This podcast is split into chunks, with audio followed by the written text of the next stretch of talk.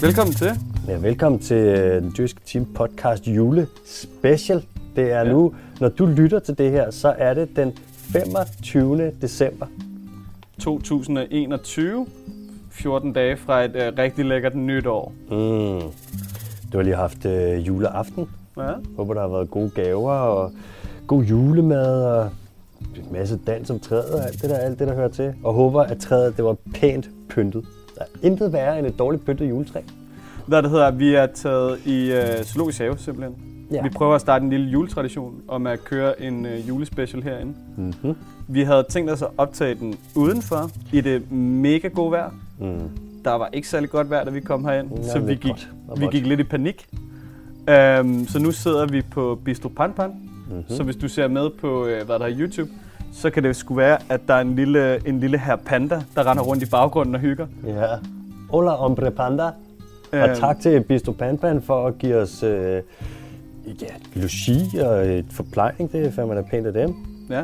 Og så gør vi jo, og så, har, så kommer vi jo nok til undervejs at begå, øh, hvad der hedder, ærkesønnen nummer et, når man laver podcast. Oh, oh. Vi skal have noget løbende. Oh, oh. Vi skal have noget, vi skal have noget pan pan mad.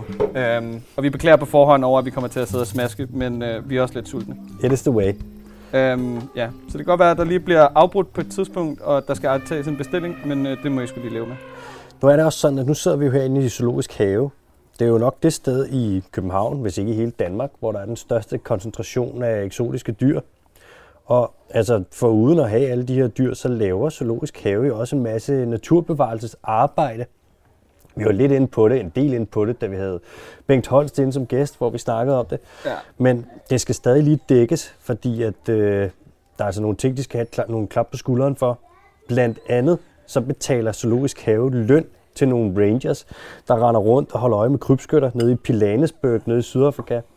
Zoologisk Have har købt et fly, der flyver rundt nede i Pilanesberg, og har uddannet piloter til at flyve rundt med flyet, som holder, flyver rundt og holder øje med, om der er krybskytter inde, og som vil ind og skyde nogle dyr, for eksempel næsehorn eller olifanter. Ligesom, der er også øh, de gyldne løveaber. Dem vi lidt snakket om, også i sidste afsnit. Dem har Zoologisk Have kastet en forbandet masse penge efter at, øh, at bevare. Hjulpet til med avlsprogrammer og det ene og det andet, så de ikke skulle uddø over i den atlantiske regnskov over i Brasilien. Muskusokser på Grønland, der har Zoologisk Have også lavet en masse der. Er der De- muskelsokser på Grønland? Det kan jeg love dig for, der er. Jeg troede kun, der var reindeers Mm-hmm, der er også muskusokser. og en buk. Og når du ser en muskusoks, du man tror sådan, wow, det er jo et fucking stort dyr, så ser du den, den er bare, der så jeg. Det er bare, Nej. Jo, de er sygt små, de hammer os herop. Vi skal næsten op og kigge på dem. Men er det, er det lige så ligesom muskelsokser i... Uh... Goddag, boss. Velkommen til. Ja, tak. Vi har fået besøg af Bistro Panpans uh, dejlige ting. Vi har faktisk ikke engang fået dit navn. Nej, Nikolaj. Goddag, Nicolaj. chef hernede i Bistro Pampan. Mm-hmm. Fantastisk. Ikke dumt. Hvad det hedder... Uh... Vi skal, have, vi skal have lidt at spise. Har du fundet ud af, hvad du godt kunne tænke dig at prøve, Alex? Jeg kunne rigtig godt tænke mig de der trøffelfritter der. Ja, tak. Ja. Ja. Og så kunne jeg rigtig godt tænke mig forårsrullerne også, for det lyder sindssygt. Og øhm, bup, bup, bup. altså wasabi poncho allerede der. Puh, øh, så næsten savler. Det tror jeg er ok på snackfronten for mig. Ja. Ja, det tror jeg... Altså, jeg kan også godt lave en... Det, det kan godt blive en dobbelt op på den, faktisk. Så to gange trøffel, to gange forårsruller. Ja. Øhm. Ja, den der nudelsalat, den lyder også lækkert, men det kan da godt være, at det så bliver for enden af, af snacksene eller et eller andet. Lad os se på det. Vi kommer til at råbe ud midt i det hele. Det er trods er alt kun en frokost. Skal vi starte med snacksen, og så vende tilbage til, øh, hvis der er plads til mere til Det ja, synes jeg. tak mand. Tak for det. Og hvad med drikkevarer i fint med kaffe og, vand? Eller Vi er ok for nu. Det kan være, at vi skal have shots på et tidspunkt, hvis Klar, vi klar, øh, ja. kører død i samtalen, men så råber vi. Ja, Jeg har dejligt vækbord, jeg lige kan trille ind. Er det rigtigt? Så, øh, vi der, så øh, tage det herfra. det vil det jo Perfekt. sted. Perfekt. Godt, jeg vender tilbage til. Tak. tak. Øhm, ja, så det er let at slå et slag for, som vi har prøvet før, at sige, at øh, det er rigtig, rigtig nemt at male et billede af zoologiske haver, som nogen, der holder øh, hvad det hedder, dyrene fanget på, øh, på øh, hvad det hedder, et nederen grundlag. Men trods alt, en stor del af de penge, som øh, hvad det hedder, kommer ind i zoologisk have, det går altså til dyrebeskyttelse, og det går også til bevarelse af arter, og det, de øh, hjælper med at genudsætte og gøre en masse godt ting godt for naturen. Det er jo også det, og der er selvfølgelig nogle sus nogle steder, som er fucked. Men, det er jo mest de der roadside zoos, som vi har dækket før. Altså store Ja. internationale zoos, de er sgu Altså, de er jo også medlem af den der, hvad er det, den der organisation hedder? VASA, i ASA, ASA og og- DASA, og og MASA. ASA, og ASA. Det er så Asian Association of Zoo and Aquaria. Asian. Asia. Altså, man kan sige, at zoos, det plejer jo at være sådan nogle menagerier, hvor man bare vil udstille så mange som muligt af nogle mærkelige dyr, og så ikke tog så meget hensyn til dyrevelfærd det ene eller andet. Og nu udvikler de sig i mange tilfælde også til at være sådan nogle centre for bevarelse af truede dyr. Ikke? Man laver også en masse adfærdsbiologiske øh, studier. Der er jo mange, der kommer ind og skriver specialer, øh, bachelor for eksempel herinde i København Zoo. Det er fandme ikke et dårligt sted at skrive special, når man tænker på, hvor mange der bare sidder og dør i deres lille, du ved, 25 kvadratmeters lejlighed på Nørrebro. Jeg skulle have gjort det i stedet for, at min bachelor, jeg sad bare kode. Jeg skulle have været her. Jeg Ej, du været her. var, du var et smut forbi Mauritius. Ja, Og og kør- det er og- specialet. Nå, det var specialet. Ja, okay. Der, ja. Den skal jeg ikke klage over. Nej. Men når man studerer dyr, der er jo mange dyr, der er svære at studere i naturen, fordi at de er sky og sådan, så kan man studere dem i zoologiske haver, få en idé om, hvordan de opfører sig og alle de her ting. Og så når man har den her viden, så er det altså også nemmere at lave øh, bevarelsesarbejde, hvor man tager hensyn til deres behov og adfærd osv., og forstår dem. Det, der, det er altså også et slag, som zoologiske haver slår der, mange af dem. Ja, Mm. mm. så øh, Københavns Zoo, vi er kæmpe fans. I burde være kæmpe fans, hvis I ikke allerede er det. Bistro Panpan, det er tag herned og få en frokost, fordi alt andet lige, nu har jeg spist det før, det har Alex også. Det er, øh, der, er, der er ret stor forskel på, du ved, den der taglige nudelret, man kan få ind i Tivoli, og så rent faktisk gå herned, hvor at, øh, de laver noget ordentligt mad. Og så sagde han lige, at de har et vægtbord. Og de har et vækbord. Jeg Altså, hvem det. har ikke brug for det klokken kvart over 11 om formiddagen? Nå, altså... Chartreuse. Catrois, por favor. Øhm, nu øh, er det jo en julespecial jo. Og så øh, tænkte jeg sådan lidt, bum bum, hvad skal vi, øh, hvad, hvad skal vi så dreje den ind på? Hvad skal det handle om? Og frem for at rapportere med nyheder fra dyrenes verden, så rapporterer vi ind i dag med juleting fra dyrenes verden og fra naturens verden. Det bliver bare jul og jul og jul. Det bliver X, og så bliver det masser, og det bliver masser af det. Der kommer til at være så meget jul. Og vi starter med det mest julede af alle dyrene. Som er Rensdyret, jo... rensdyret dyr. Kan du alle ni? Det kan jeg faktisk. Eller er det fordi, du har skrevet dem ned? Nej, jeg har ikke skrevet dem ned. Jeg kan... Okay, nu kigger jeg ikke. Dasher, Dancer, Komet, Prancer, Cupid, Rudolf, Donder, Blitzen. Det var, det ved jeg, jeg, jeg kan ikke tælle åbenbart. Jeg ved ikke, om det var ni. Altså, det er jo lidt spøjst at tænke på, hvorfor er rensdyret, hvorfor er det et juledyr? Altså, af, alle dyr, der kunne trække julemandens slede, så er det bare af en eller anden grund, så er det rensdyr, ikke? Han er jo op fra, mange tror, at, eller det er ikke noget, man tror, julemanden findes jo højst sandsynligt. Han er bare elusive. He's, he's incognito. Og altså, han er jo op fra Arktis. Der er også isbjørn. Der kunne være en isbjørn, der trak hans slede. Det kunne være sneugler, der trak hans. De altså, Isbjørnen bevæger sig ikke lige så hurtigt, vel? Jamen, det kan ikke så kan den trække mere. Og hvis man skal have gaver med til 8 milliarder mennesker, marker der er nogle hestekræfter på, ikke? Åh, jo, jo, jo, det er rigtigt. Mm. Bjørnekræfter. Jeg har undersøgt det lidt. Og mm. Polar Bear Power. Polar Bear Power. Der kom i 1821, der kom der en børnebog ud, som hedder Old Santa Claus with Much Delight. Og der var nogle illustrationer med, altså nogle tegninger. Og på en af de her tegninger, der sad julemanden i en slæde, trukket af et rensdyr. Og på det her tidspunkt, der var julemanden ikke engang sådan en ting, øh, som han er nu. Altså en gut, der havde hans røde tøj og al hele historien omkring ham. Nej, han Det- var bare en helgen eller sådan noget, ikke? Ja, nemlig Sankt, Sankt Nikolaus. Ja. Og det var første gang, at julemanden ligesom blev set sammen med et rensdyr, hvis man kan sige det sådan, i en tegning i en børnebog. Og så et par år senere, i 1823, der kom der et digt, som har ændret julen. Altså et digt, og det har ændret julen totalt. Det er basically det, der gør, at vi ser julen, som vi gør nu. Det er der, hvor at alle navnene til alle rensdyrene bliver givet. Det er der, hvor at der kommer øh, hele traditionen med gaver for alvor bliver banket på benene. Det der med julesokker, det er fra det her digt. Det hedder øh, A Visit from St. Nicholas. St. Nicholas. Og det er skrevet en, der hedder Clement Clark Moore. Okay, et overklasse navn. Clement af Clark og Moore. Han skrev det, og han claimede, først så var han pisselig glad. Han skrev det bare kom ud. Der var ikke nogen, der vidste, hvem der havde skrevet det. Det var først 14 år senere, hvor han var sådan, ja, det var mig, der lige etablerede. Er en af de største traditioner i hele verden. Ja, det er lidt af en magtdemonstration, ikke? Ja, er du gal, mand. Det her digt, det bliver også kaldt uh, The Night Before Christmas. Altså, det har ledet, givet anledning til vanvittigt mange ting, mand. I det her digt, så beskriver ham her, Clark Clement, øh, Clement Clark Moore, han beskriver, hvordan at øhm, Sankt Nikolas, senere Santa Claus, han kommer på besøg, lægger gaver ned i sokker, hvordan han slæden er trukket af otte rensdyr. Rudolf kommer først til senere. Det gad jeg ikke undersøge. Det er lidt for meget populær Han er også den kultur. yngste af dem. Det er ligesom den fjerde musketer, ikke? D'Artagnan, han kommer også efter de tre andre. Jo, du skal sige det mere nata- nasalt. D'Artagnan. D'Artagnan. Ion. Her. Bæver. Panda. Panda. Hvor Shout er han? out.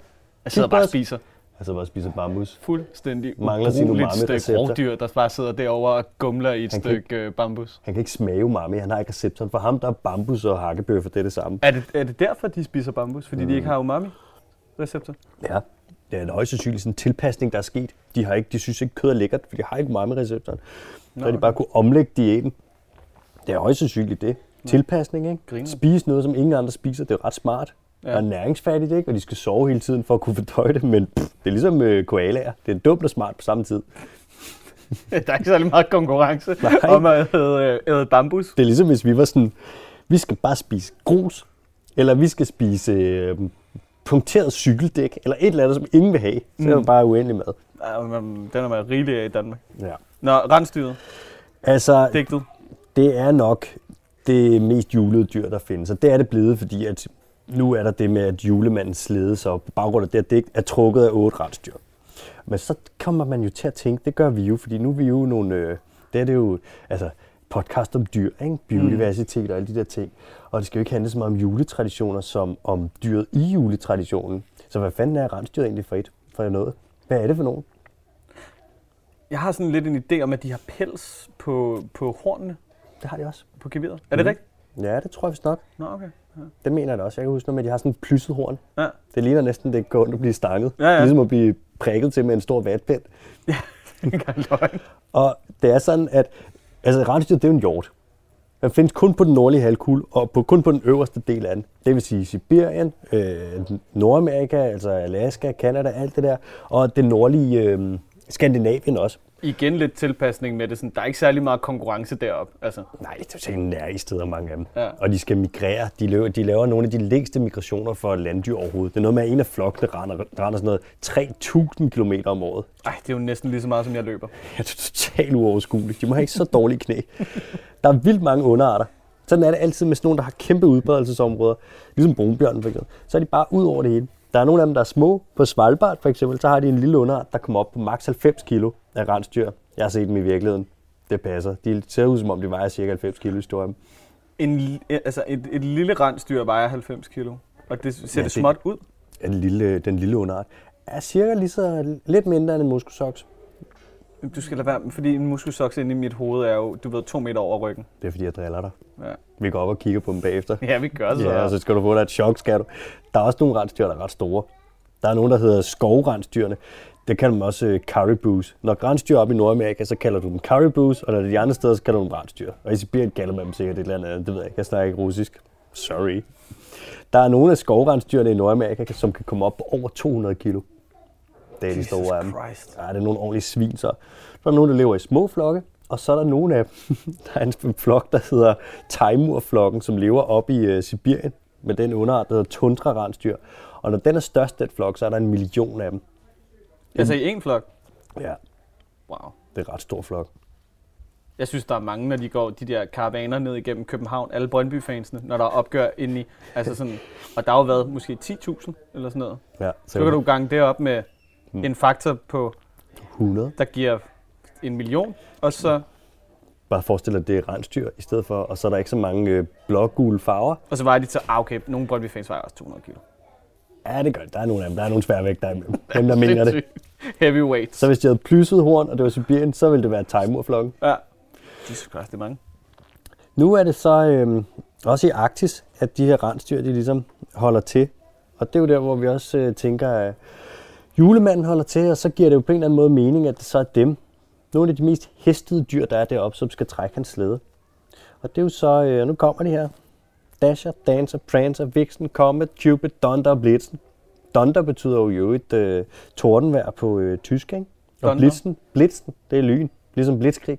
Så det er derfor, de torden og lynild hedder de på dansk. Det er, fordi man lige har oversat det der. Ligesom dine knytnæver. Ja, jeg? Torden og lynild. Torden og løgnild. Mm. Det lyder også noget, som Dennis B. kunne finde på at sige. Skal du lige hilse på Torden og løgnild? Åh, kæft, god gamle Dennis P. Ja. Gillelejes farligste mand. Ja, shout out. Det kan også være fedt, hvis det var øh, altså isbjørn, hvis de trak julemandsslæde, det kunne være nice. Men det kan også være nice, hvis det var sneuler. Ja, det kunne være sådan, men det er meget Harry, så bliver det meget Harry Potter lige pludselig. Ja, men det er jo... det er sådan noget uncanny valley ting, hvor det, sådan, det, det, det, giver lidt mening, du ved, sådan rationelt, at det er, at det er rensdyr. Hvis det lige pludselig var sneuler, så er man sådan, puha, Peter Jackson, nu, ja. Nu er du gået for langt. Det skal ikke være kaniner, der trækker den slæde der. Nej, nu skal du lige trække vejret rigtig, Ja. rigtig tungt her. Kom ned på jorden. Det var, det var det mest julede af alle dyrene. Det var det mest julede. Det var det, vi startede. det, det, nu falder det bare nedad. Så er det en anden plads, vi skal til nu. Nu øh, kører vi videre til noget, der faktisk ikke rigtig er dyr. Nu kører vi videre til noget. Nu kan det godt være, at det bliver Er det grævlingen? Nej, den kan man ikke snakke findes ikke. Nej. Nu skal vi snakke om noget, og nu kan det godt være, at det bliver en lille smule spicy. For nu skal vi snakke om julekrydderier. Mm. Prøv lige at lukke øjnene en gang, ikke? Og så forestil dig julemad og julestemning, uden at det skal lugte af kanel. Ja, den går ikke. Det kan du ikke. Er du sindssyg? Så forestil dig, at du skulle have noget jul, noget gløk og noget af den slags, men der måtte ikke være noget med nelliker. Vi skal lige make room. Nu tror jeg sgu, der kommer noget til os. Jeg tror, der kommer en lille Ej, snacks. hvor lækkert. Helt sikkert. Så, ja. Ad, Ej, hvor ser det godt ud. Hvor voldsomt. Uh, jeg elsker, når der er trøfler på mine pomfritter. Nej, nej, En gang trøffelfritter med reddet kom til os. Reddet øh, hvid trøffel udover med en trøffelmayo. Mm. Og så får I vores øh, hjemmerullet, hjemmelavede veganske forårsruller, som er lavet på Karl Johan svampe, lidt spidskål og øh, hvad hedder det, glasnudler med en hjemmelavet chili mayo og så den her wasabi poncho. At- også lidt salat, bare så der er lidt det grønne. Uh. Uh. det er smukt. Velbekomme. Tusind Jo, tak. tak. Tusind tak. Okay, jeg glæder mig. Ej, Ja, apropos kanel og du ved, spise julemad, så sidder vi nu med, en, øh, med den mest julede, julede menu, som er pomfritter og forårsruller. Ja, men pomfritter, hvis der er hvid trøffel på, så er det næsten hvid jul. Det er jo lidt, det er jo lidt fusionskøkken, ikke? Sådan pomfritter Ja, og forårsruller. Det er jo, øh, det er jo fransk og, og vietnamesisk. Jeg elsker det sgu. Uh. Ad, hvor lækkert. Men kanelen der, hvor Mm. foregår det? Kan Den er jo ikke, det er jo ikke sådan udpræget dansk, er det? Ej, kan man ikke sige. Jeg vil gerne starte hele snakken med, kan- om kanel. Den vil jeg gerne starte med et powerful statement. Kom med det.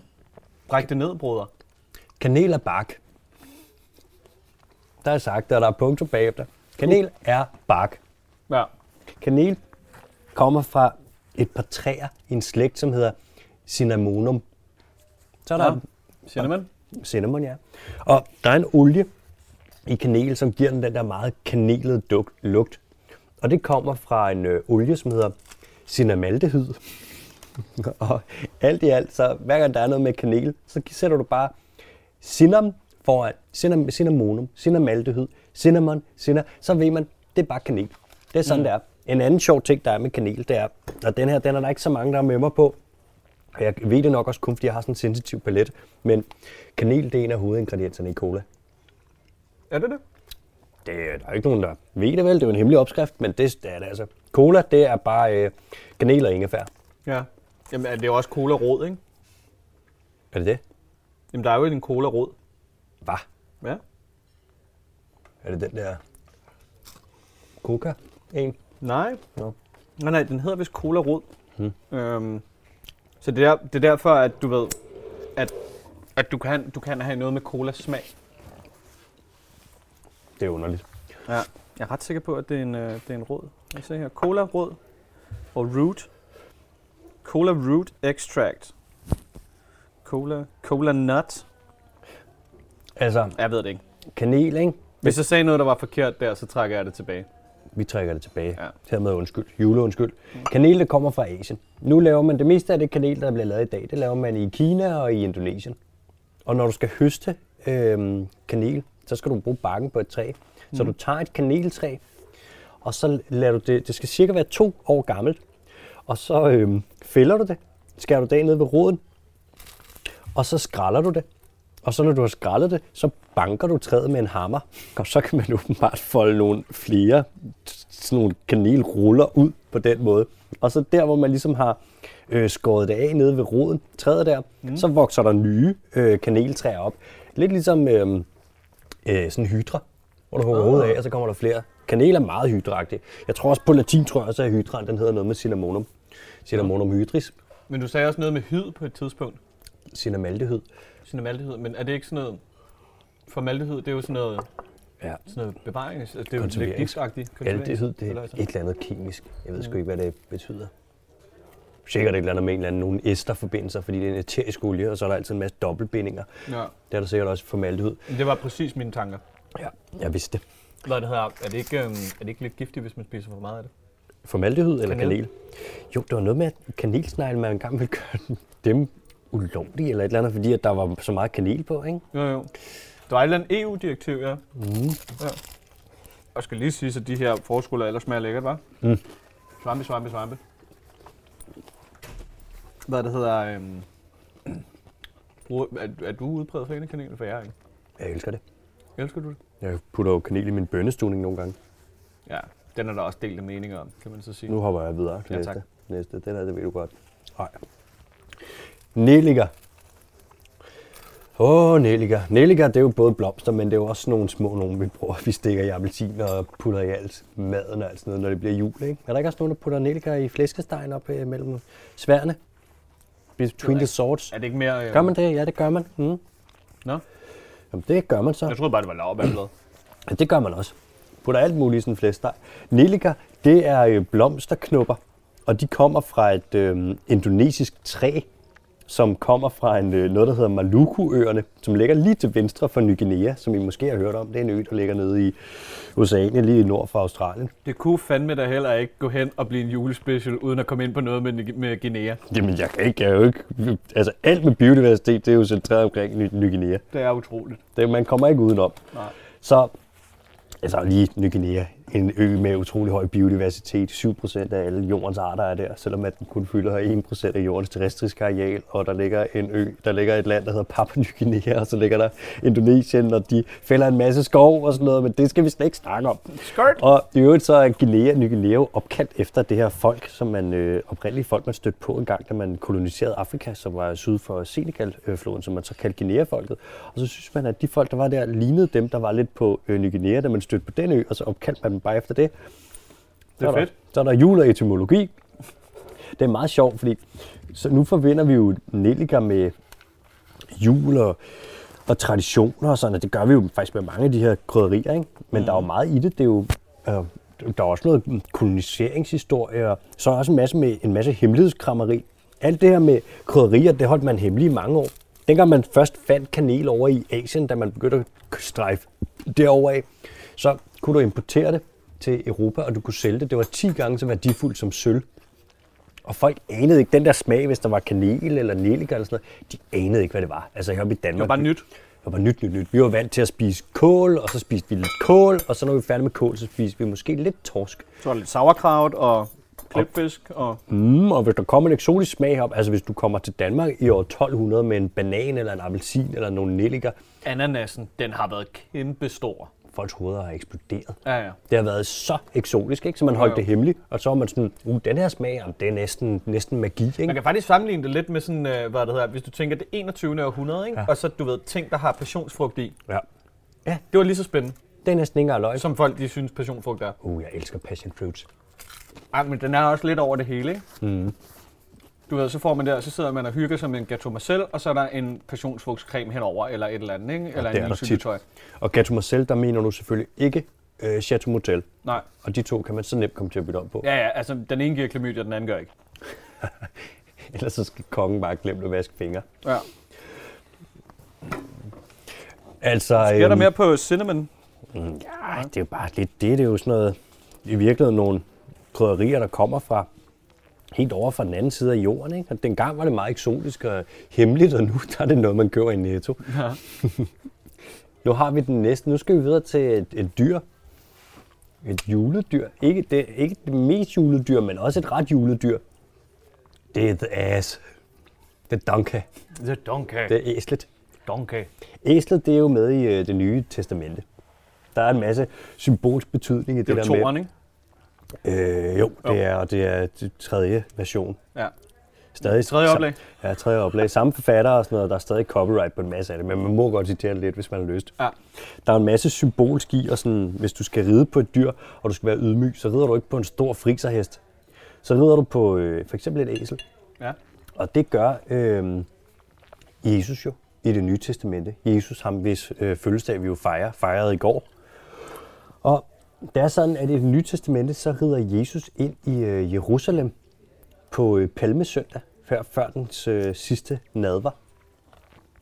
Og så tænker man måske, okay, jeg har ridet på et æsel der uden sadel på dengang, og godt nok rider på palmeblad og sådan noget, men det er måske ikke det niceste at ride på. Vil ikke hellere have haft en hest? Og det kan sgu godt være, han vil det. Det ved jeg ikke. Jeg er ikke religionshistoriker. Det skal jeg da være ærlig at sige. Jeg har ikke læst teologi. Jeg har læst biologi, og det er to forskellige ting. Men du har godt nok læst mange religiøse tekster. Ja, der jeg har været... Jeg har gerne vil vide, hvad det handlede om, så jeg kan udtale mig om det. Er der, er der nogle versioner, hvor han rider på en nordbak? Det er der, ja. Så skal du læse den på norsk. Der har de lavet alting om. Ligesom hvor de, når de har oversat Harry Potter, hvor de har givet alle sammen, der har de bare givet norske navn. Så Dumbledore hedder Rimlesnyrt. Rumlesnyrt. ja, det har sagt. Var det samme med Bibelen. På den norske Bibel, der hedder Jesus. Han hedder Bjarlkram. Ej, han gør sgu da ikke. Det er blasfemi. Det gør han ikke. Det vil nordmand aldrig gøre. Det fandme være fedt. Ja, Men- det er Jan. ja. Jan Krastus. Så er det Jan Kristus, ja. Han er fra Oslo. Så er det uh, Torskesøndag. Men altså æslet. Mm. Hvis man tager det ud af det nye testamente og ind i biologien, hvad er det så for et dyr? Det er et domesticeret æsel, altså tamæsel. Det stammer fra øhm, det afrikanske vildæsel. Og det afrikanske vildæsel, det er altså et dyr, der er... Øhm, ej, se nu der, nu får Petra vores... Ja. Ej, ja, det kan hvor er det sødt, ja. Nej, Ej, hvor er I gode, det er fandme tusind også tak. dårlig stil, at vi ikke spurgte, om hun ville have noget at spise. Og der skal ikke smaskes. Nej. Nå, men vi har i øh, fangenskab, der har vi cirka, på global plan, har vi cirka 40 millioner øh, æsler. Der er virkelig mange æsler i øh, fangenskab. Men det vilde, det afrikanske vildæsel i naturen, er kritisk, kritisk, kritisk troet. Et af verdens mest troede pattedyr overhovedet. Der er i naturen er der omkring 570 æsler tilbage. Jesus. De findes kun i øh, ørkner og nogle meget tørre områder over ved Afrikas horn. Afrikas horn, det er lige til højre på Afrika. Det er, Kæp Horn. ja, det er egentlig, hvis man tager sådan øh, Afrika, og du bare forestiller dig Afrika, det er en hånd, og så hånden, den vender på hovedet, sådan her, så du vender håndledet opad og håndfladen ind mod dig selv. Så den her dut, der går Højre eller venstre hånd? øh, skal være venstre. Så din tommelfinger, det vil være op. Du kan enten gøre det, at du kigger på din hånd sådan her, ellers så kan du sige, hold kæft, du er en idiot, Alexander Holm, og så kan du gå ind på Google på din håndholdte computer device telefon, og så kan du bare søge på det, men Afrikas ord, det ligger over i Afrika. Der findes øh, æslerne, også over ved øh, Eritrea, Etiopien og Somalien. Det er bare sådan, at der er ikke så mange af dem tilbage, og de bliver stadig øh, jaget. Det, man jager dem for at spise dem, og så bruger man dem i øh, traditionel medicin. Ikke kinesisk traditionel medicin, men noget traditionel medicin, som er forbundet med noget, øh, jeg ved ikke noget, nu skulle jeg til at sige overtro, men det ved jeg ikke, om det er, men noget gammel, gammel medicin, man har brugt længe i den del af Afrika Altså. Venn-diagrammet for traditionel medicin og overtro, Ja. der er altså rimelig stort overlap. Du sagde det, jeg Det tror, jeg, tænkte. det tror jeg altså godt, man kan sige. Uden Mm. at være sådan helt kontroversiel. Mm. Nu er det jo ikke, nu er det jo ikke for at sidde og skyde øh, med spredehavl eller, eller noget mm. efter folk, men ja, ej, pandaen, han er tilbage. Hvad laver han? han sover på en gren. Ja, jeg tror bare lidt, han er faldet i søvn op på hans lille repro. Han er fjollet med, jeg elsker ham. Ja, ja. Så sidder du nok rigtig derude og fortryder, at du ikke gik ind på youtube.com og skråstreg den et eller andet. I kan bare søge på den dyrske time, så lægger julespecialen derind. Så kan I se, at der sidder en panda i baggrunden. Så en panda i baggrunden lige der. Og til, dem, af, til dem af jer, der lytter med derude, så kan jeg fortælle, at den er sådan, den er sort, og den er hvid, Og lidt Og det er det. Er lidt snavset. Den er lidt mindre end en moskusokse. Har du set de der videoer på nettet af pandaer, der bare fjoller rundt? Den bedste. De Det er- tumler. Det er helt vildt. De skaber sig. Ja. Det er nogle Ligesom rigtig små Stor attention. plysset baby, der bare hygger sig hele tiden. Det er det seriøst. En langhåret baby. Og de er sådan nogle, de er sådan nogle rigtig ballademagere. Stop med at være en ballade med derude, tak. Ja, han falder i søvn. Altså, øhm, det er jo ikke så godt med æslerne der, at de bliver jaget og spist og brugt i traditionel medicin, når der kun er 570 tilbage af dem. Der er endda, selvom der er så få, så er der faktisk øh, to underarter. Der er den nubiske, som højst sandsynligt er uddød. Det kommer jeg ind på om lidt. Det er super underligt der. Og så er der den anden, den somaliske, som den, det er den, der stadig findes i naturen, altså nede ved øh, det afrikanske horn. Mm. Og så har man taget nogle af de somaliske vildæsler, og så fordi at det område dernede i Eritrea, Somalien og Etiopien, det er ret presset at passe på dem der, fordi de her lande de har en masse problemer med infrastrukturen, så har man etableret dem i en park i Israel. Så der har du en lille park på øh, 12 kvadratkilometer, hvor du har øh, somaliske øh, vildæsler, der render rundt der. Nå, fedt. Men Det er bare heller ikke et sexet dyr beskyt, kan man sige. Ikke på samme måde som et næsehorn eller en panda for den sags skyld. Det er bare på grund af det danske navn, fordi æsel det er ikke så sexet. På engelsk til gengæld, hvor du bare kalder det en ass, mm. det er jo lidt noget andet, ikke? Ja. Hvis man, er, hvis man er asman, så vil man gerne beskytte den. Er du galt? Der kan være ingen tvivl om det der. Mm. Der er den anden underart, det nubiske æsel der. Den tror man stadig findes et sted, der hedder Gebel Alba i Ægypten, hvor at det er sådan, der skal laves nogle undersøgelser på noget DNA, for at finde ud af, om det er dem, og der er ikke så mange af dem, så det er sådan lidt kontroversielt. Og så er der en karibisk ø, der hedder øh, Bonaire, hvor at... øh, Bon Iver? Bon Bon Iver? Bon Iver, som laver indie-rock, som hedder Bonaire, hvor at de æsler, der er der, af en eller anden grund, så skulle de være øh, de nubiske vildæsler. Så man har jo spredt æslerne ud, dengang man har taget dem fra naturen og domesticeret dem. Mm. Og så af en eller anden grund, så er der en karibisk ø, hvor det lige præcis er den underart, som man primært har avlet på.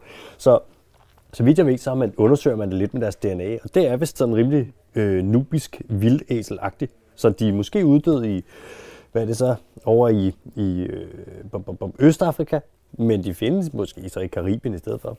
Det er lidt spøjst. Det er en, altså det er en, det er en hører til hestefamilien, ikke? Det gør det jo. Er, er det en arbejdshest? Altså det er sådan, du ved, normalt så siger man det sådan, du ved, man siger pakkeæsel og sådan noget, ikke? Ja, det er det. De er stærke af helvedes til. Og hvis du blander, hvis du tager et, en æsel hængst Ja. og øh, parer den med en, øh, en hest, Ja. de kan godt få unger, så får du muldyr. Og de, man- s- De er bumstærke, men de er de er sterile. sterile. Ja, det er nemlig, det er sådan er det tit med hybrider. Ja. Men æsler er pisse stærke, mand. Man kalder dem jo også, det er jo en kategori af dyr, der skal trække tungt og bære tungt. Du kalder dem beast of burden. Mm. Typisk æsler og arbejdsheste og okser og alt sådan noget. Ikke? Der er de Jo. med i den der, fordi de bare pisse stærke. ja. Fucking ligeglad. Trumler bare. Fucking ligeglade. Stedige helvede. De er faktisk ikke så stedige æsler. Ved du, hvorfor man siger, de er stedige? Nej. Det er, fordi de er sværere at få til at gøre ting øh, end heste. Så det er, fordi man sammenligner dem med heste, der var meget føjelige. Ja, ja. Så i virkeligheden, så er de slet ikke særlige. Det er ligesom hvis man sagde, at vi to, vi var nogle lave mænd, fordi at hvis man sammenlignede os med en eller anden, der var 3 meter. Jeg er stadig en lav mand, selvom du sammenligner mig med en på, på 1,80. Okay, fair, men så tag mig. så lad det handle lidt om mig. Mig, mig, mig. Mere mig. Jeg har et julemirakel forresten. Skal vi tage det nu? Jeg kom med Så det. kan du lige få en lille bid. Mm, Det er fordi, jeg sad på øh, hvad der hedder, videnskab.dk i går. ja vel.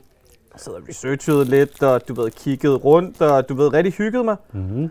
Og så øh, hvad der hedder, faldt jeg over øh, hvad der hedder, artiklen, der hedder Første gang nogensinde, kolon, 1000 ben med mere end 1000 ben fundet. Oh, hvor lol.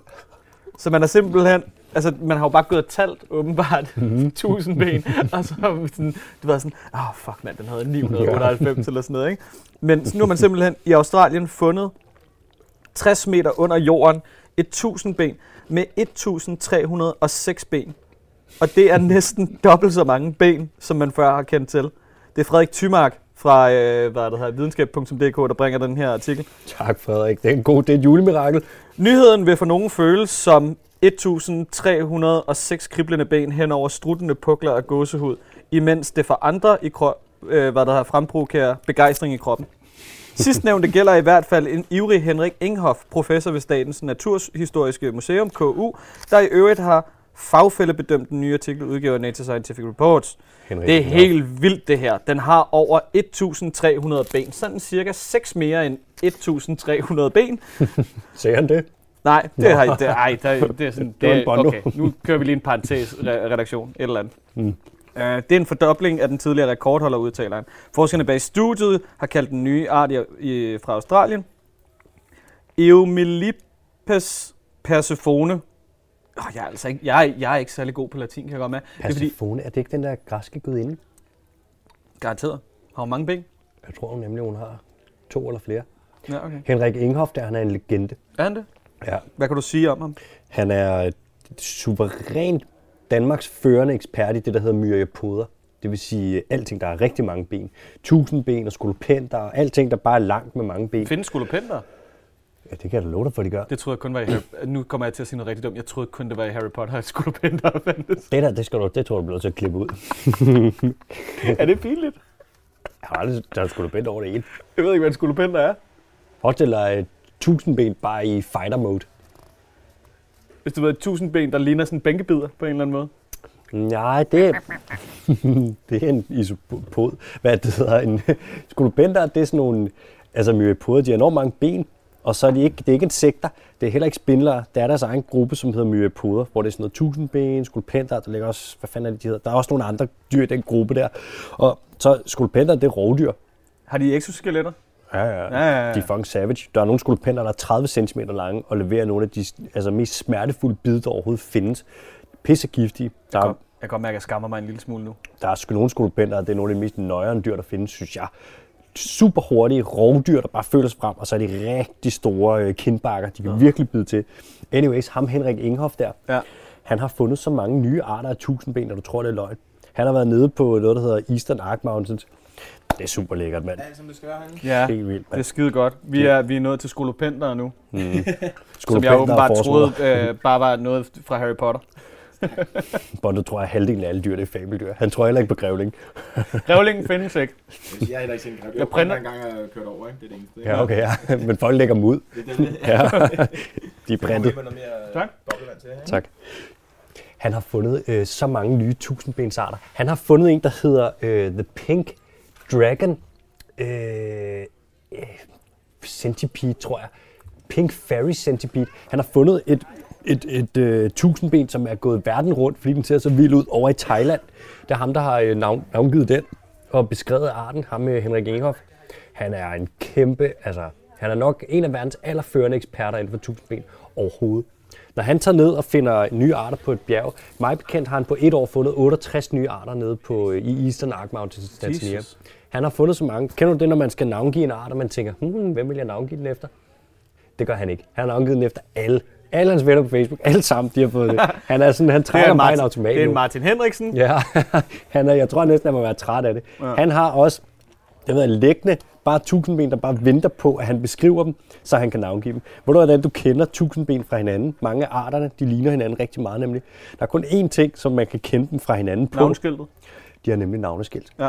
De har deres kønsdel, de hedder, det hedder vist øh, deres gonoporer, eller der, deres gonoforer, deres kønsorganer ser helt fucked ud, og de er super forskellige. Så kan der to øh, tusindben, der begge to er, lad os sige, 12 cm lange, helt sorte, ligner hinanden fuldstændig, lige indtil du kigger på deres tissemænd. Så er du sådan, wow, det der, det er jo noget fuldstændig forskelligt. Så er den ene spiralformet, og den anden, den ligner dødstjernen lavet i Lego. Så er det sådan to forskellige arter. Så han sidder bare, Henrik Inghoff, når han har tid, så tager han bare og finder nogle, nogle tusindben frem, som han har samlet, og så kigger han bare på deres kønsdele og sådan noget. Ja, så tror jeg, hvis lige der er to mere, vi kan opgælde efter konen.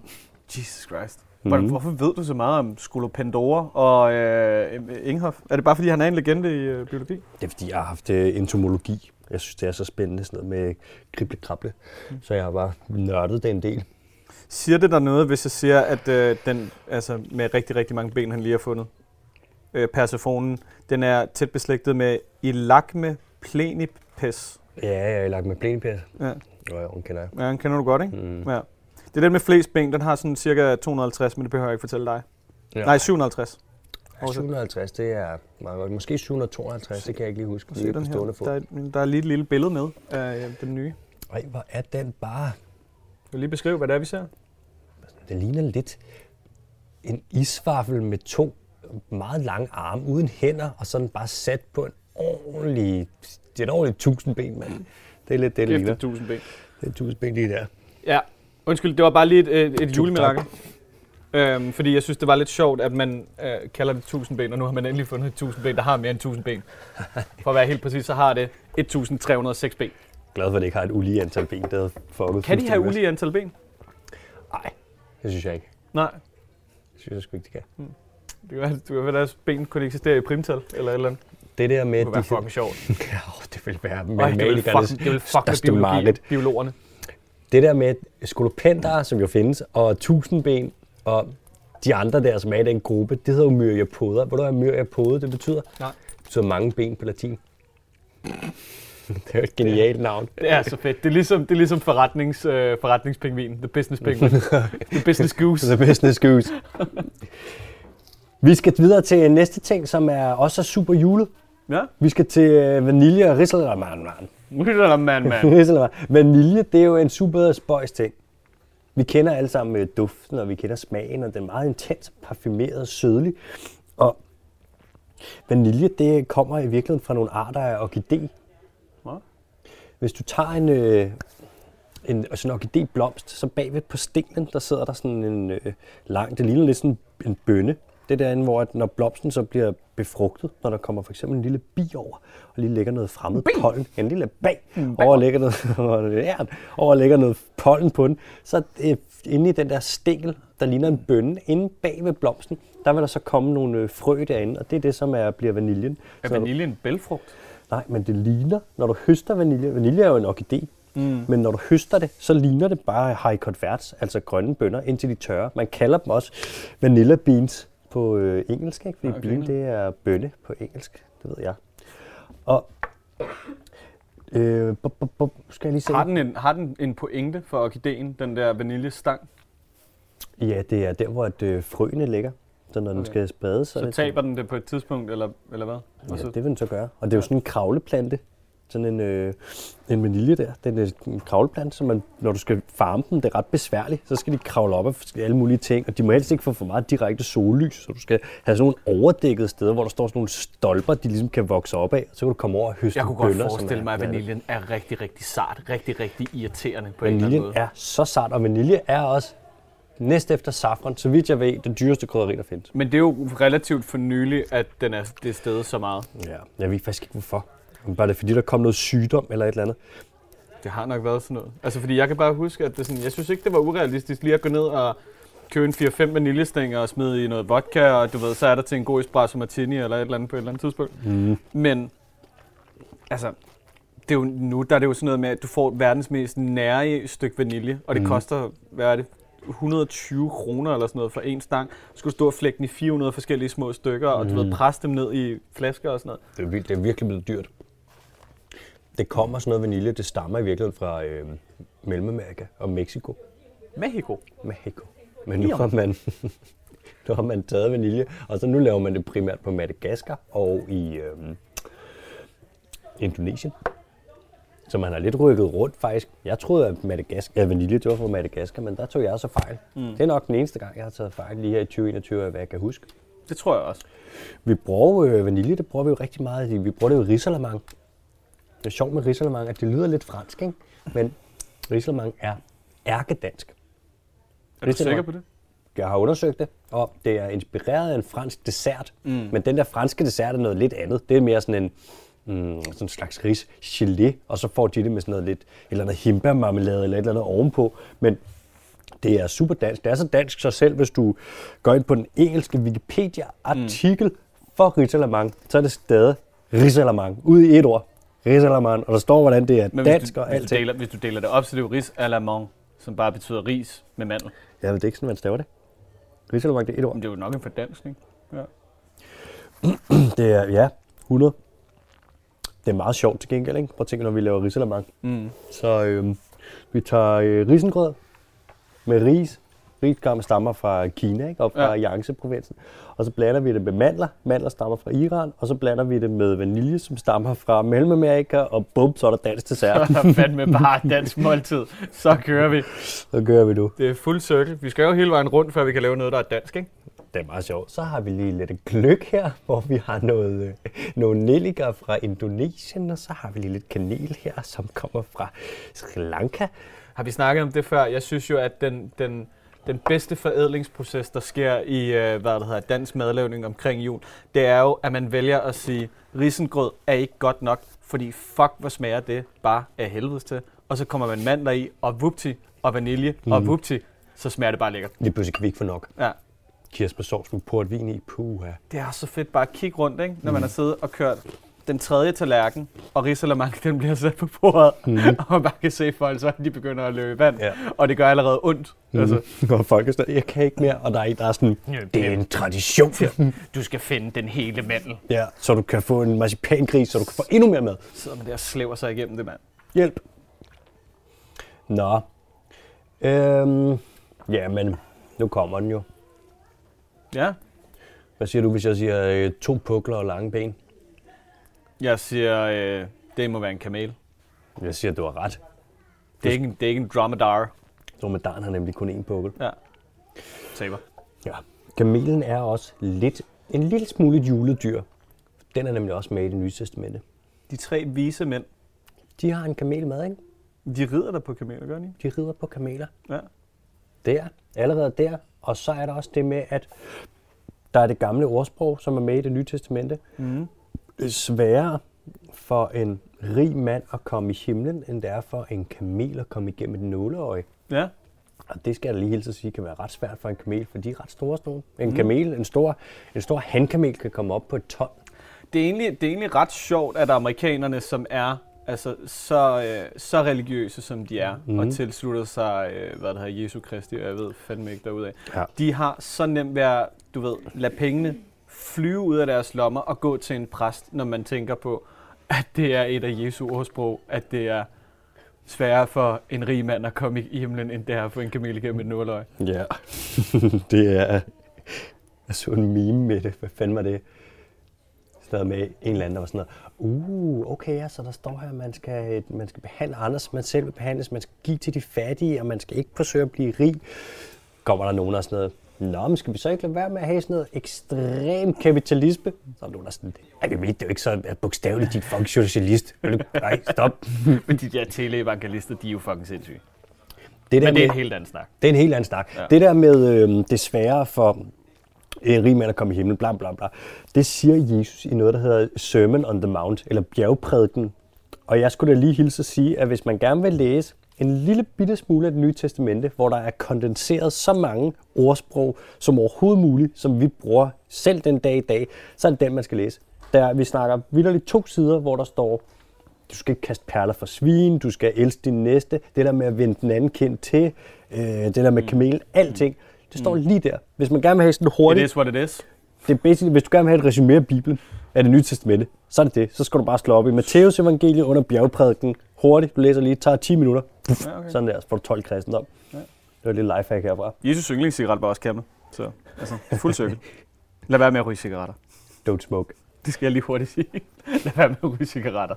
Der er én ting, der står i den der øh, bjergprædiken, som jeg gerne lige vil have med som en lille, som er en, der står et rigtig smukt spørgsmål. Mm. Nu læser jeg lige højt der. Er det, har, er, er det Sean Connery, der har, der har fløjet ind? Nej, jeg har er det oversat det. Jeg Du har oversat det? Okay, cool. Jeg kan ikke mere skotsk. Jeg kan ikke mere. Nej. Jeg bliver nødt til at udtale mine teer. led, hver gang du skal snakke skotsk. Jeg bliver nødt til at udtale mine teer. Der bliver spurgt, kan nogen af jer ved at bekymre jer tilføje en eneste time mere til jeres liv? Hvor over i det? Det er ikke gammel visdom lige der, du. Anyways, kameler, nogle kæmpe store dyr. Anyways, kameler. nogle kæmpe store spøjsedyr. Der er nogle gange, øh, jeg kan huske, dengang jeg gik i folkeskole, der, var der, nogle, der gik der nogle røverhistorier mm. på, det var så Tingbakskolen, om at øh, kamelens ene pukkel, der var til vand, og den anden var til mad. Og ved du hvad det er? Det er løgn. Det er fucking løgn. Det er fucking løgn. Det er... Ja, Hvad ja. giver du mig, det løgn? hvad giver du mig? Jeg kan, øh, det er en drogtykker, ikke? Nej, Er det ikke det? nej, det tror jeg sgu Hvad ikke. er det så? Den er lidt i sin egen gruppe jo. Den er jo partoget. Den ligger lidt sammen. Det er kamelen og dromedaren, der ligesom ligger. Så kamelen deler man lidt op i en bakteriske og bakteriske. Men Mm. den ligger lidt for sig selv. Det er sådan et spøjst ørkendyr. Men et eksempel på en drogtykker ja. Vil være en ko for eksempel, ikke? Ja. Ja, okay. Jeg troede egentlig, det var en drogtykker, fordi den, den laver det der med at bevæge kæben i sådan en underlig cirkel, når den tykker. Det kan godt være, at den tykker drøv. Det ved jeg faktisk ikke, om den gør. Men jeg troede, det var Mm. måden, man tykkede på. Når du tykker drøv, så gylper du noget mad op, og så øh, tykker du det igennem igen, og så sluger du det igen. Så du ligesom bearbejder Okay. det mere og mere og mere, og så når du bearbejder det nok, så nede i maven, så kan de have sådan en fermenteringsproces, så de får en masse energi ud af det. Altså, den der manøvre, den har jeg lavet masser af gange før på vej hjem fra byen. Men du er også drøvtyv. Hvor der lige kommer en, en, en durum op, og så mm. kommer den ned igen. Du er jo også drøvtyv. Altså, du skriver det på din Instagram. Ja, det er rigtigt. De, de der to pukler, som kanelen har, de er fyldt med fedt. Det er slet ikke til vand og mad. Det er bare fedt. Men de kan det blive slatne, kan de? Jo, Så- det er hvis den er øh, udmagret. Okay. Den er også, kamelen, den spiser helst sådan noget øh, skud og grønne ting, og hvis der er nogle blade og sådan noget. Men hvis den er sulten, og hvis der ikke er noget mad, så spiser de alt. De spiser ådsler, og de spiser, de kan fordøje utrolig svært nedbrydelige ting, så længe det er organisk, så de kan spise læder. Så hvis de kan finde på at spise dine sandaler, og de kan finde på at spise din rejsetaske, og hvis du har fjeldrevn på, og der er sådan en lille fjeldrevnmærke, der sidder, det der lille lædermærke der, Ja, ja. det kan en kamel godt finde på at spise, det der. Nå, for søren. Det står der ikke på Fjeldrevns hjemmeside, men det burde de skrive. Hvis man skal have en luksuskamel, så fodrer man dem bare Ja. ja. med Birkenstock-sandaler. Så skal den bare Birkenstocks og gamle fjeldrevmærker. Nå, ej, hvor sødt. Der er de der tre arter, kan man kalde det af kamel. Der er den vilde baktriske kamel. Ja, Kamelen jamen, det er kommer, den, jeg kender. det er nemlig den, du kender. Den ja. Kommer op fra øh, sletterne op i Sovjet og Mongoliet og sådan noget. Ikke? Yep. Der lever den ligesom. Og så er der dromedaren, som vi ikke skal ind på her, fordi det er slet ikke det, vi snakker om. Men Dromedaren, det er meget aladdinsk. Ikke? Sådan meget aladdinagtigt. Jo, dromedar, de er også sådan, de er ikke så troede i naturen som den vilde baktriske kamel. Nej. Den er jo kritisk troet. Til gengæld så i fangenskab, der er der røv mange af dem. Man har pisse mange baktriske kameler i øh, Er det den, vi har her i Zoologisk Have? Det er en baktrisk Det er den kamel, baktriske. ja. Det er en baktrisk. Men den er også sådan lidt, den har sådan lidt, øh, den har sådan en flot frakke på en eller anden måde. Der har den, og de kan leve i, altså, i kolde steder. De lever Ja. jo op på, øhm, så vidt jeg ved, lever de faktisk i hundenes yndlingssted. Gobiørken. Gobiørken. Men der kan også blive ekstremt koldt om natten, tænker jeg. Mm. Og I de fleste af ørkener, der falder temperaturen jo ret voldsomt, lige så snart at solen den siger, Hiu. Ja, det er totalt snydersted. Øhm, kameler kan gøre sådan en ting, hvis de bliver tørstige, som øh, der ikke er særlig mange dyr, der kan faktisk, hvor de kan spise sne for at få dækket deres væskebehov. Så kan de, normalt, hvis du spiser sne, så får du noget koldt ind, og så bliver din krop kold indenfra, og det er ikke så godt rent energimæssigt, men af en eller anden grund, så kan kameler, de kan bare det der. Og det ved man ikke, hvorfor. Jo, det kan godt være. Jeg ved det i hvert fald ikke. Eller jeg ved det, jeg gider bare ikke snakke om det lige Ja, nu, ja. fordi det er en Ja. julespecial, og vi Ja, skal ja. ikke snakke om alt sådan noget der. Vi skal ikke snakke så meget om sne. Fordi- ikke, ikke sådan en detur. Der er sket en ting med... det er tyrt. Der er sket en ting med kameler, fordi man har taget bak, vilde baktriske kameler. Mm. Så har du domesticeret dem, altså tæmmet dem. Og så er der nogle af de domesticerede vilde baktriske kameler, som er sluppet fri.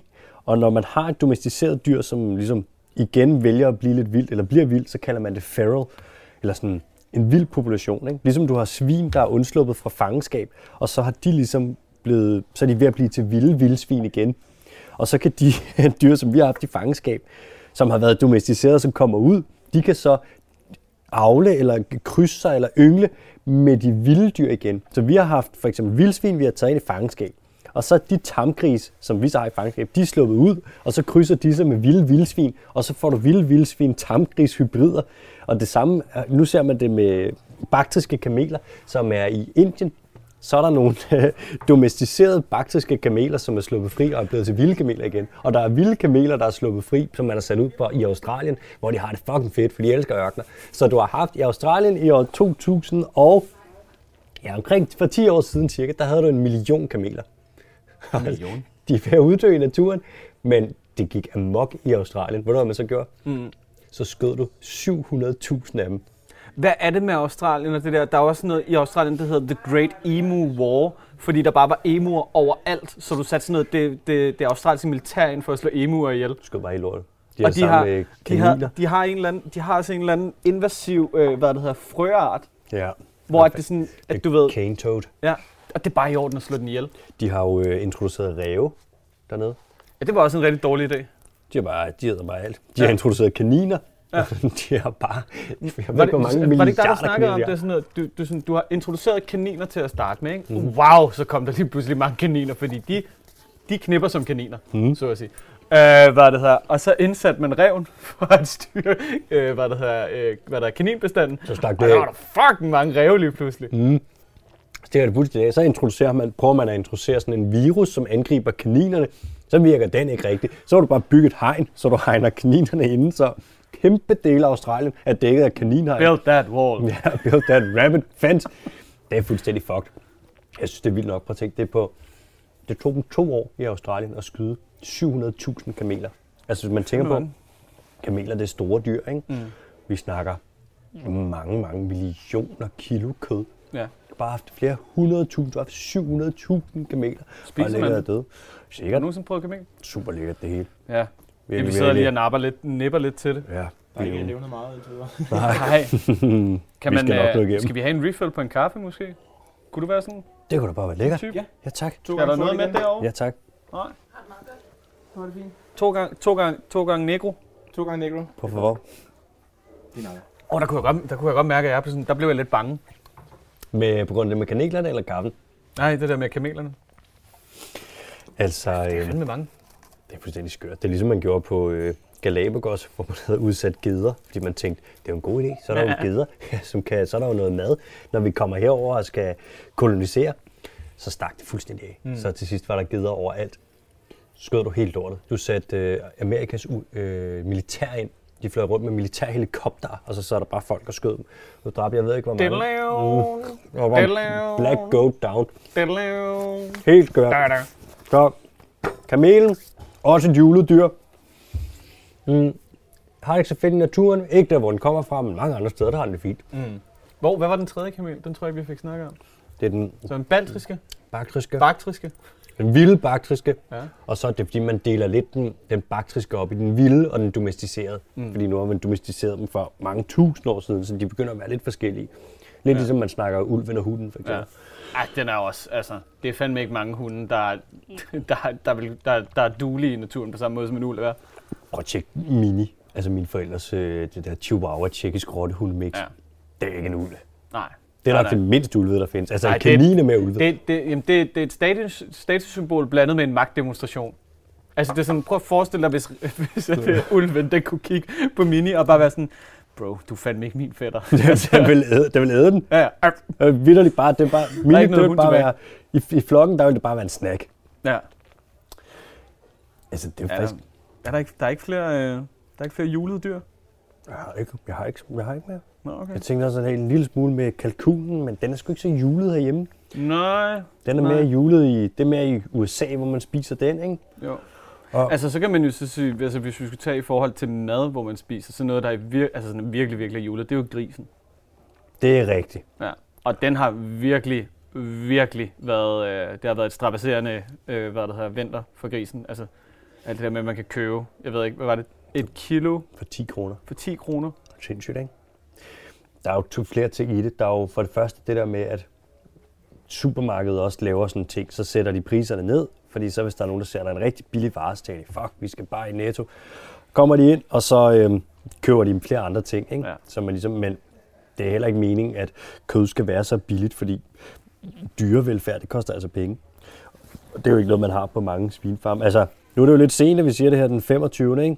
Fordi nu har Ja. man jo spist flæskesteg og alting, men hvis man skal købe flæskesteg, man skal have noget til jul der, så skal man skulle købe noget fra nogle dyr, der har haft det godt. Mm. Det andet der, prøv at tænke, hvis du køber sådan noget konventionelt flæskesteg, så kører du noget med, altså prøv at være noget, når svinet bliver født, så er der chance for, at det dør, fordi at solen føder flere unger, end hvad hun har patter. Så der er mange unger, de kommer ud, og så dør de, før de overhovedet når få noget at spise, fordi der bare sådan, der bliver født for mange, man er blevet for grådig med Mm. avlen, ikke? Bliver de taget af moren så hurtigt, så de får tønskid, de får spruteskid ud over det hele, så man pumper dem med antibiotika og zink, bare så de ikke skider sig selv ihjel. Og så moser du dem bare ind på 0,65 kvadratmeter, og så tager de, de tager et kilo på om dagen, fordi du stopfoder dem med soja direkte fra Brasiliens regnskov, og restprodukter fra palmeolieproduktionen i Sydøstasien. Ikke? Mm. Og så putter du også lige noget svinefedt i fodret. Omkring 8 procent, mig bekendt. Fordi Det er, det, jo, er jo, altså, er det sådan noget tvungen kannibalisme på en eller anden måde? ja, det er jo faktisk lige præcis det, der. Det er fandme... Og Altså, det er jo det. sådan gysligt på en eller anden måde. Ja. I England vil man jo ikke have det. Når vi laver svin til, de svin, vi eksporterer til England, de er ikke fodret med svinefedt. Men de svin, som vi sælger i Danmark fra en konventionel Det er, en fuck, det produktion, er en fucking klassiker, det der. Ikke? Det er sådan, vi laver et produkt, der er bedre til andre, end det vi giver til os selv. så klart, det ikke prøve at overveje det bare sådan, tvinger dem til at blive kannibaler. Ja. Så slagter du dem, og så kører det bare repeat. Det skal man sgu da ikke spise, noget af det kød. Synes jeg da ikke. Nej, men man kan se, altså, du, du, undskyld for, øh, hvad der har måske at, du ved, sende noget Selv. dårlig samvittighed tak. afsted, når man ligger dagen efter juleaften med lidt, med lidt ondt i maven. Tak for det. Øhm, men, men, men så lad os, øh, så lad os, øh, så lad os lige opføre os ordentligt næste år. Køb, køb en ordentlig gris næste år. Man kan sige, at hvis man også gerne vil spise kød, så er det jo en del af ansvaret, der ligger der. Det er da, at man sørger for at få noget kød, der er ordentligt. Ja. Også bare for ens egen skyld. Ja, jeg synes jo mest det er for ens egen skyld. Altså, jeg, synes, jeg synes jo ærligt talt, det der med sådan personlig ansvar og sådan noget, den kan jeg godt være med på. Men altså, hvis du har lovgivende instans, så synes jeg jo måske, at man sådan fra politisk niveau lidt højere op skulle gøre sådan nogle, nogle, nogle altså lidt, lidt mere eftertanke omkring, hvad det er, man udsætter dyrene for, og hvad det er, man tillader. Mm-hmm. Altså fordi, jo jo, altså revolutionen starter nede i køledisken og, og bla bla bla derudad. Men altså, på, på sådan nationalt niveau, der synes jeg måske, det er mere regeringens ansvar at sørge for, at man ikke subsidierer en industri, som i effekt øh, begår øh, hvad er det, dyrmishandling. Det synes jeg ikke kan være individets ansvar på en eller anden måde. Nej, Det er er, også sådan bare det. ansvarsforlæggelse. så følger vi bare sådan, så lægger vi os ind under EU-lovgivningen, ikke? Mm. Mm. og så EU sætter nogle mindste krav for, altså hvor dårligt må du behandle et svin, mens det stadig er lovligt. Ja. Og der er Danmark sådan, det der, det lyder fint, det gør vi. Så sådan, hvad, hvad gør I? Vi behandler dem præcis så dårligt, som vi må, mens det stadig er lovligt. Ja. Det er jo lidt Nej, det, men vi behandler dem faktisk dårligere, fordi vi halekuperer stadig, og det må vi ikke. det er rigtigt. Og vi, øhm, Så vi gør os faktisk umage for ikke at behandle. os, vi kastrerer os uden bedøvelse. Ja. Og vi slipper også tænder uden bedøvelse. Ja. Vi er så dårlige til at give dem indsprøjtninger med antibiotika, at der faktisk er smågris, der dør af blodforgiftning, de får fra de stikhuller, vi giver dem med kanylerne, fordi vi, bruger, øh, vi ikke skifter kanylerne ud, for det er jo billigere at bare bruge den samme kanyle. Hvor er det? Nice. Vi prøver at give antibiotika, og så dræber vi faktisk svinene, fordi vi er så dårlige til det. Men vi laver nogle af verdens bedste fødevarer. Det siger Landbrug Fødevare jo. Hold kæft, sådan en joke. Altså, man skal heller ikke sidde og spise koteletter, hvis de er fået med regnskov, og hvis de er fået med altså svin, hvor man har fået dem med svin. Mm. Også hvis, hvis der ikke var alternativer. Men det er der jo. Der er jo masser af steder, hvor de laver svin, hvor de går vildt meget op i dyrevelfærd, og hvor de, Birtes Minde for eksempel. Ikke? Det der sted, hvor... At, hvad fanden er det, det der sted, Peter snakker om tit på... Øh, der er det der sted ved Samsø, og så er der også nogle steder Ja, ja, ved Fyn og sådan noget, hvor... at Hvis Jamen, det, vores grafiker Rikke, Ja, hun, øh, hun, hun, øh, hun har jo sin egen grise, smågrise og sådan noget tamgrise, som hun sælger ud af en gang imellem. ja. Øhm, og de, øh, altså, det, er jo, det er jo på en eller anden måde bæredygtigt. Altså det tilnærmer sig i hvert fald bæredygtighed i langt højere grad end altså, hvad er det, 25 millioner grise presset ind på et lille areal. Altså det er, jo, det er jo så simpelt at tænke på, hvor dårligt de har det. Du kan jo bare gå ind på Google Maps, og så kan du bare kigge overalt på Jylland og Fyn, og så kan du se, om du kan finde en eneste fucking gris på de der satellitbilleder. Hvis du ikke kan det, så er der ret stor sandsynlighed for, at de bare er presset ind under et halvtag, og du ved altså bare, du ved, er most sammen. Det er de jo. Det er skørt. Jeg vil også sige sådan, hvis man har det i mente, hvis man vil have sin flæskesteg, og man kigger på sådan, okay, er den lavet okay, er det dyr, der er behandlet ordentligt, Ja. så kan man vel godt spise den med god samvittighed, ikke? ja. Der er også noget, altså, Altså fordi for, for mig for eksempel, der er grunden til, at jeg ikke spiser kød. Det har jo ikke noget, altså sådan, det har for eksempel ikke noget med etik at gøre, sådan rent dyreetisk. Det er altså sådan, rent etisk mener jeg jo godt selv, at jeg kan forsvare at slå et dyr ihjel, Mm. for jeg spiser det. klart. Så er der alle mulige, du ved, ting med, om det er sundt, eller om det er usundt, og alt det der ting. Og det er jeg slet ikke klog nok til at vide noget om. Men sådan, rent etisk mener jeg godt selv, at jeg kan stå inden for det. Mm. Men på et globalt plan mener jeg ikke, at jeg kan stå inden for det. Så det er jo... Mm. Det er lidt det samme med mig. Jeg, sådan, jeg synes, det er et spørgsmål om, hvor meget fylder man, ikke? Prøv at tænke, hvis vi skal være mange mennesker, så, Mm. øh, og vi alle sammen vil have et stort øh, klimaaftryk mm. og belaste miljøet meget, så er der ikke plads til os. Så hvis der er nogen af os, der vælger at fylde lidt mindre, hvis så for eksempel med, ved vores diæt at tage hensyn til at lave vores aftryk en lille smule mindre, for eksempel ved at man spiser vegetarisk, ikke? Mm. så er jeg sådan, jamen så spiser jeg vegetarisk. Så fylder jeg lidt mindre, og så er der nogle andre, der fylder lidt mere. Ja. Det er virkelig bare et spørgsmål om sådan, på en eller anden måde bare sådan at tage lidt, lidt hensyn, ikke? Hvis ikke det var sådan, hold kæft, jeg ville da elske at spise kød. Jeg elsker kød. Mm. Så frøderen. Jeg har jo nogle gange, dengang jeg blev vegetar, jeg havde våde drømme om sparrows. Øh. Øh, seriøst det bedste, mand. Det er jo, det er jo bare barbecue-saucen, du, du savner. Det er jo ikke... Barbecue. Barbecue. Barbecue. Barbecue-sauce. Men fuck it. Jeg har ikke spist kød i 10 år. Jeg kan ikke huske, hvad det smager. Jeg kan spise, altså du kan give mig et køderstatningsprodukt, der smager af spar, så jeg er sådan, sikke en lækker kylling. Nå, undskyld, hvis det sluttede lidt surt. Det gjorde det jo ikke. Det er jo, folk Nej. ved jo godt. Ja. Og det er jo også det. Altså, det er jo bare et spørgsmål om, men selvfølgelig skal vi behandle svin ordentligt. Hvis man behandlede hunde eller katte eller heste, ligesom vi behandler svin, ikke? folk i Danmark vil eksplodere. Ja. Det har bare, landbrugslobbyen har været super effektiv i at få gjort ændret vores syn på svinet, så det er bare sådan en ting, der bare skal moses ind i en stald, hvor den bare skal være lyserød skinke. Ja. Det er jo bare et Altså, vores kritik går ikke på, på individet, der spiser en flæskesteg. Det er jo nok mere på landbrugslobbyen. Det skal jo nok lige siges.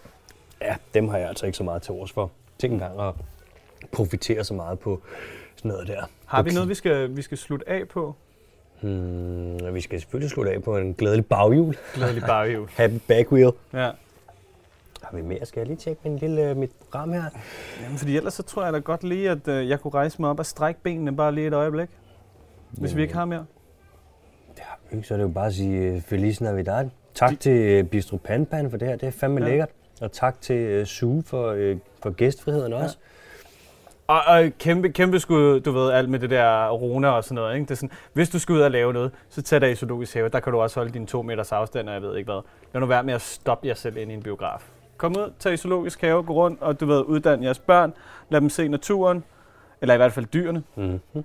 Fordi hvis de bliver bare en lille smule fascineret af at være herinde og kigge på dyr, så kan det være, at der er en lille chance for, at de måske også vælger at passe på den, når de bliver voksne på et eller andet tidspunkt. I stedet for, at de bare render rundt og tror, at... Ja, det er lidt den der Pocahontas-agtige metafor, ikke? Mm. Altså, du ved, Mm. alt hvad du ser, tror du er dit på en eller anden måde. Ja. But it is not the way. Ja. Cool. Så må I Der, er et lyder, der skal lyde et godt jul, øh, nej, glædelig jul for mig. Feliz Godt jul. Navidad. Adios.